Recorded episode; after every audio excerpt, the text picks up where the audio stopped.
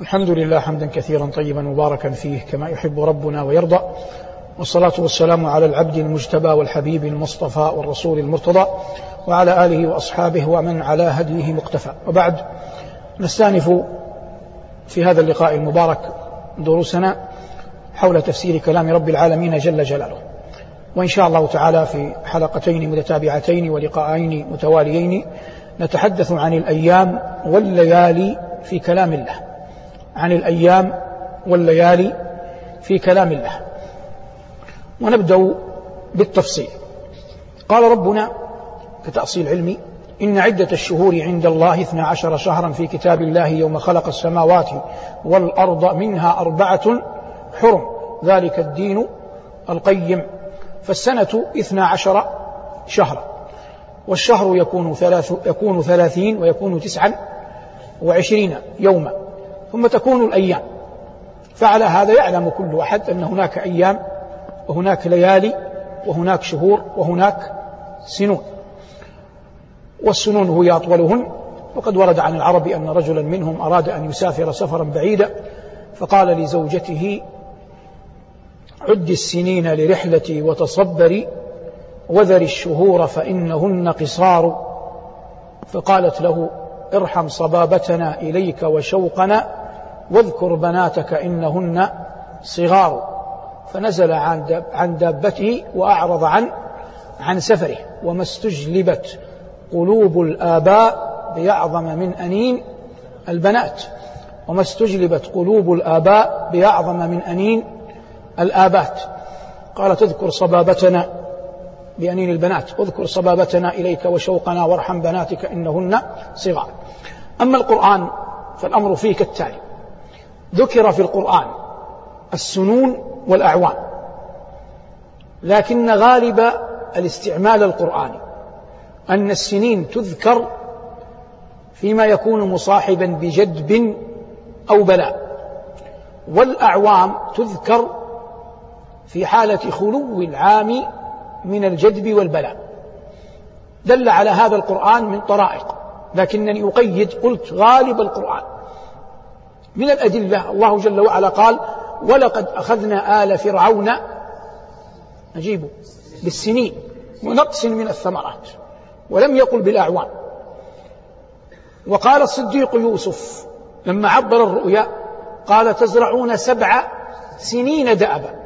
فما حصدتم فذروه في سنبله إلا قليلا مما تأكلون. ثم يأتي من بعد ذلك سبع شداد. يأكلن ما قدمتم لهن إلا قليلا مما تحصنون. لما ذكر الخير قال ثم يأتي من بعد ذلك عام فيه يغاث الناس وفيه يعصرون ما الذي جعلنا نقول إن السنين غالبا؟ لأن الله لما ذكر حياة الكليم موسى في أرض مدين عبر عنها بالسنين وهي لم يكن فيها محل وجهد وبلاء ربما يفهم معنويا. قال الله جل وعلا فلبثت سنين في أهل مدين. فلبثت سنين في أهل مدين ثم جئت على قدر يا موسى. وقال الله جل وعلا عن نبيه نوح عليه السلام قال فلبث فيهم ألف سنة إلا خمسين عاما. فالخمسون عام لم يكن بينهم كان بين المؤمنين فعبر الله بالأعوام لأنها كانت خيرا لمن؟ خيرا لمن؟ لنوح. طبعا هي لم تكن خمسون عاما فقط كانت أكثر لكنها مستثنى من الألف. أما الباقي فقد كان يعاني فيه عليه السلام ما يعاني من من قومه. فعب جاء القرآن يقول عنها إنها سنون إنها سنون. الآن تقول الشيخ مرة يقول سنون مرة يقول سنين. هذا يسمى عند النحويين ملحق بجمع المذكر السالم. فإذا صغته حال الرفع تقول سنون. وإذا صغته حال النصب أو الجر تقول سنين. تقول ماذا؟ سنين. حتى لا يفهم أن هناك اختلافا في المعنى. لا يوجد اختلاف إنما هذا استعمال نحوي. هذه واحدة.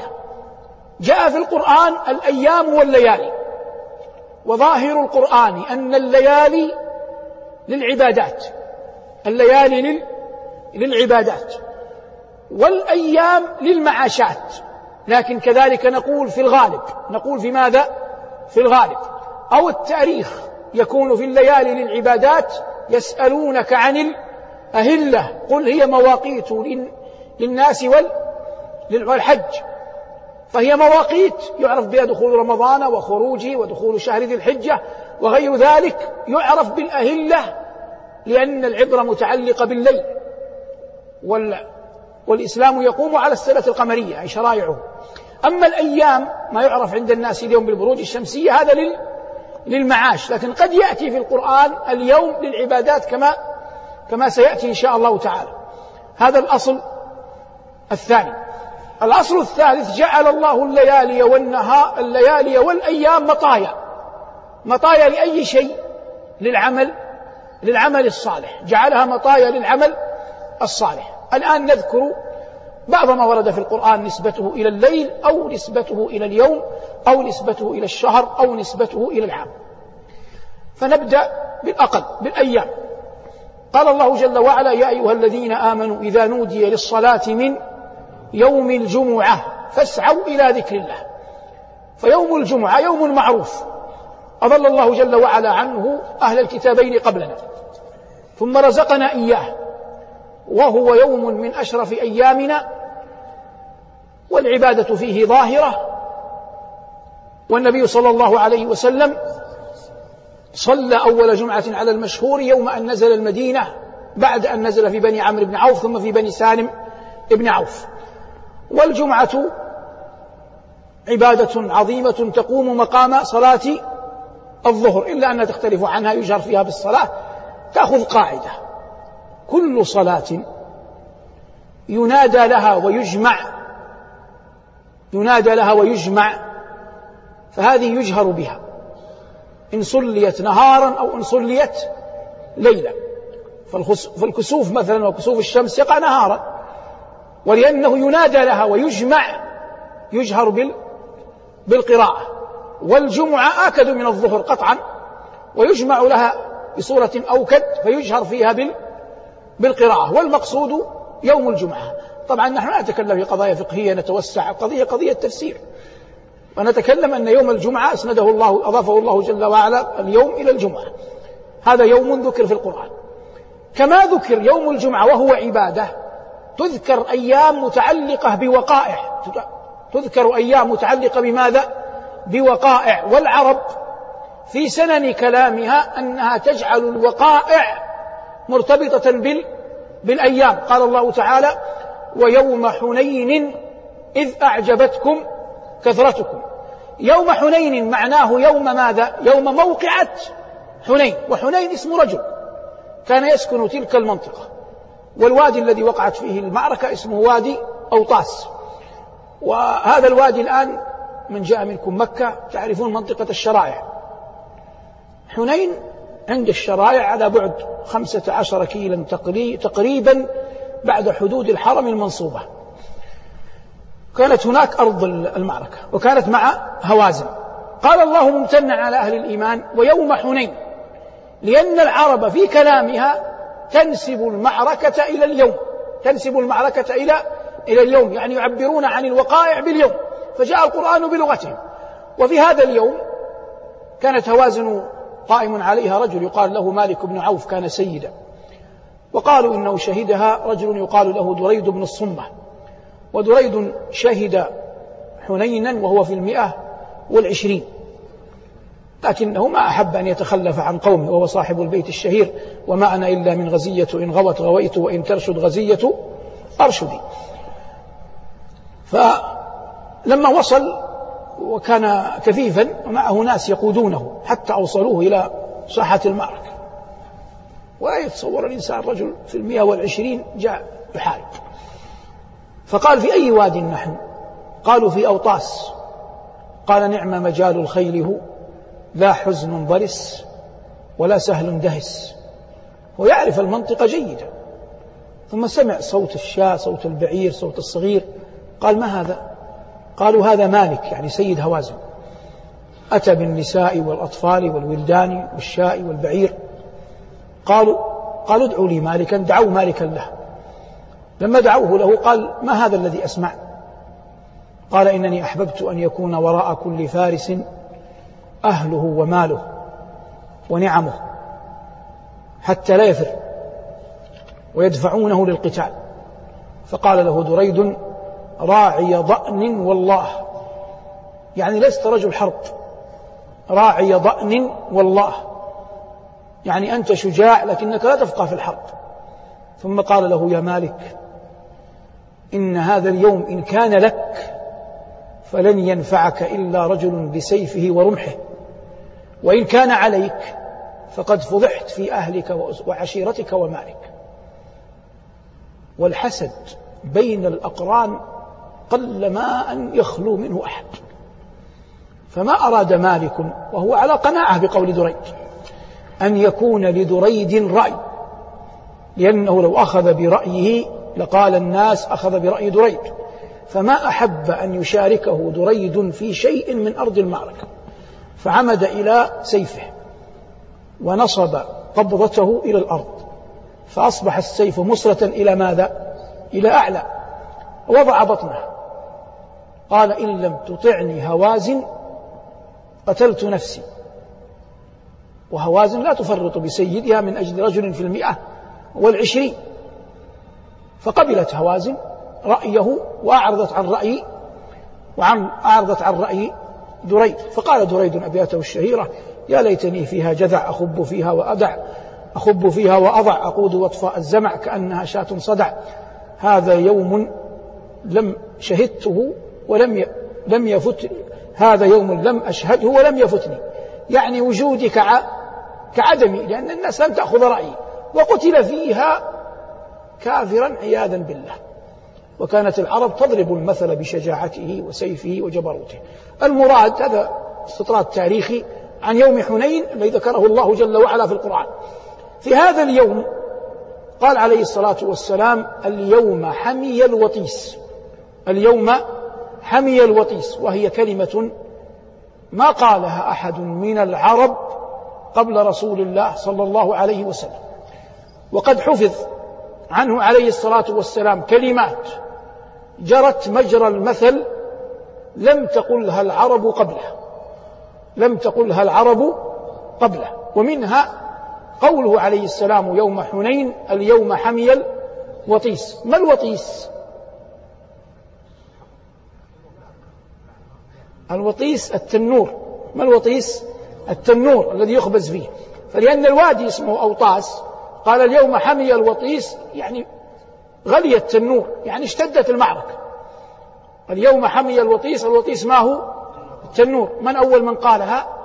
وسلم وقال عليه الصلاة والسلام عن أحد الناس مات حتف أنفه.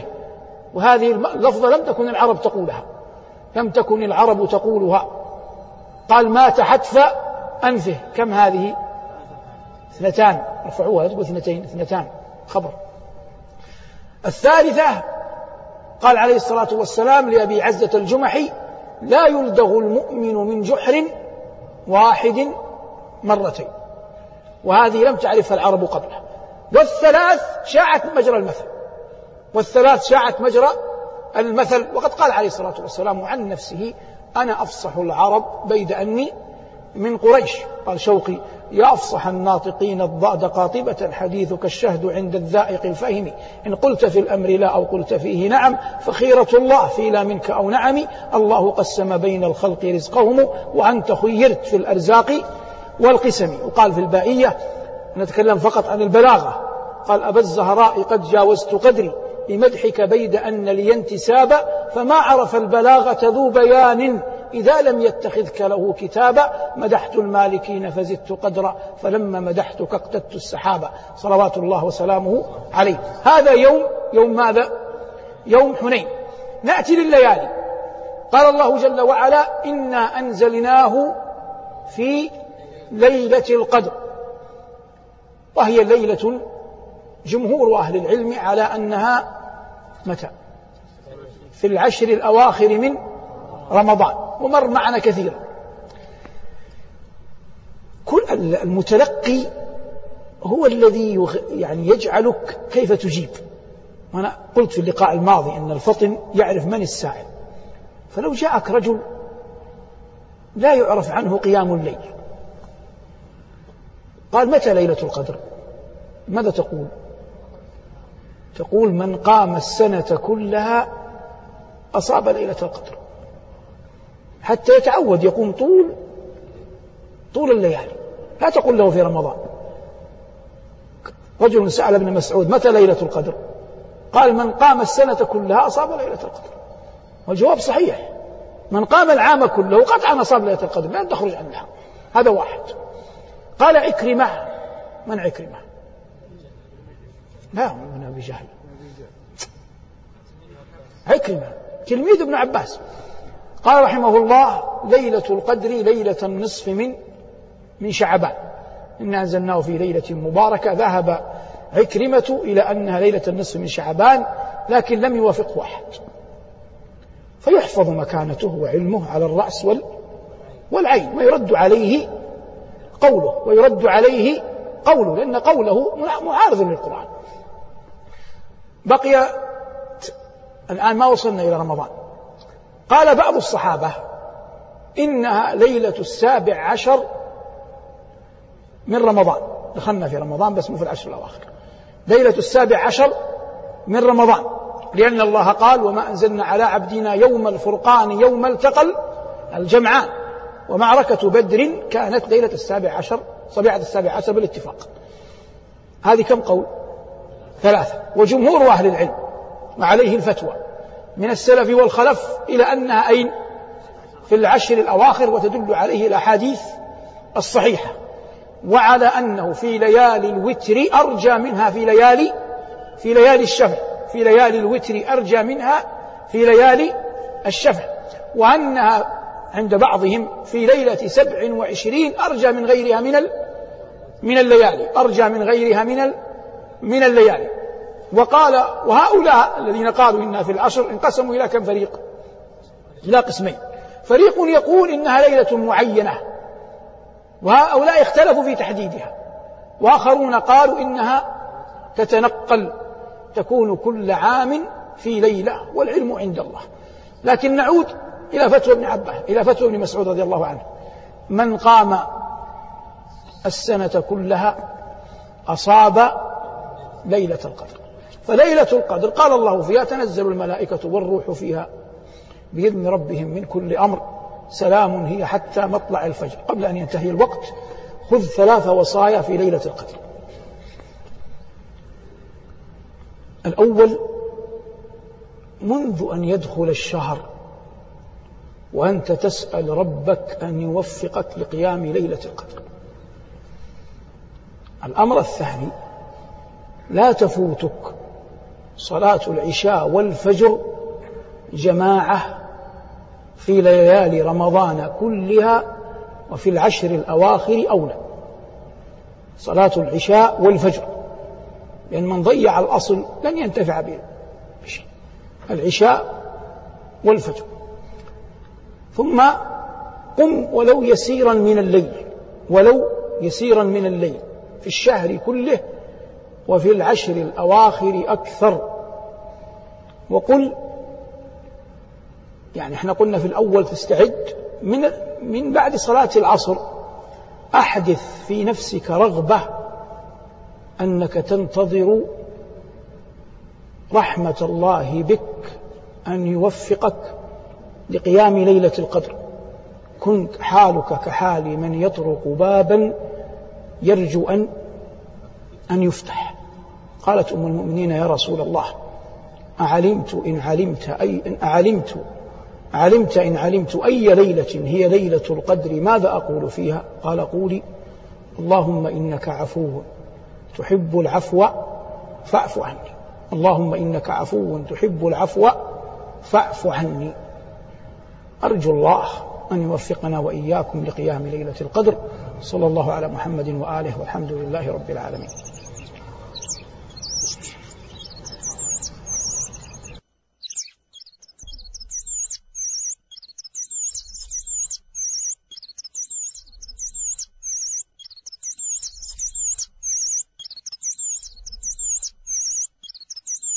لو أنزلنا هذا الْقُرْآنَ عَلَىٰ جَبَلٍ لَّرَأَيْتَهُ خَاشِعًا مُّتَصَدِّعًا مِّنْ خَشْيَةِ اللَّهِ ۚ.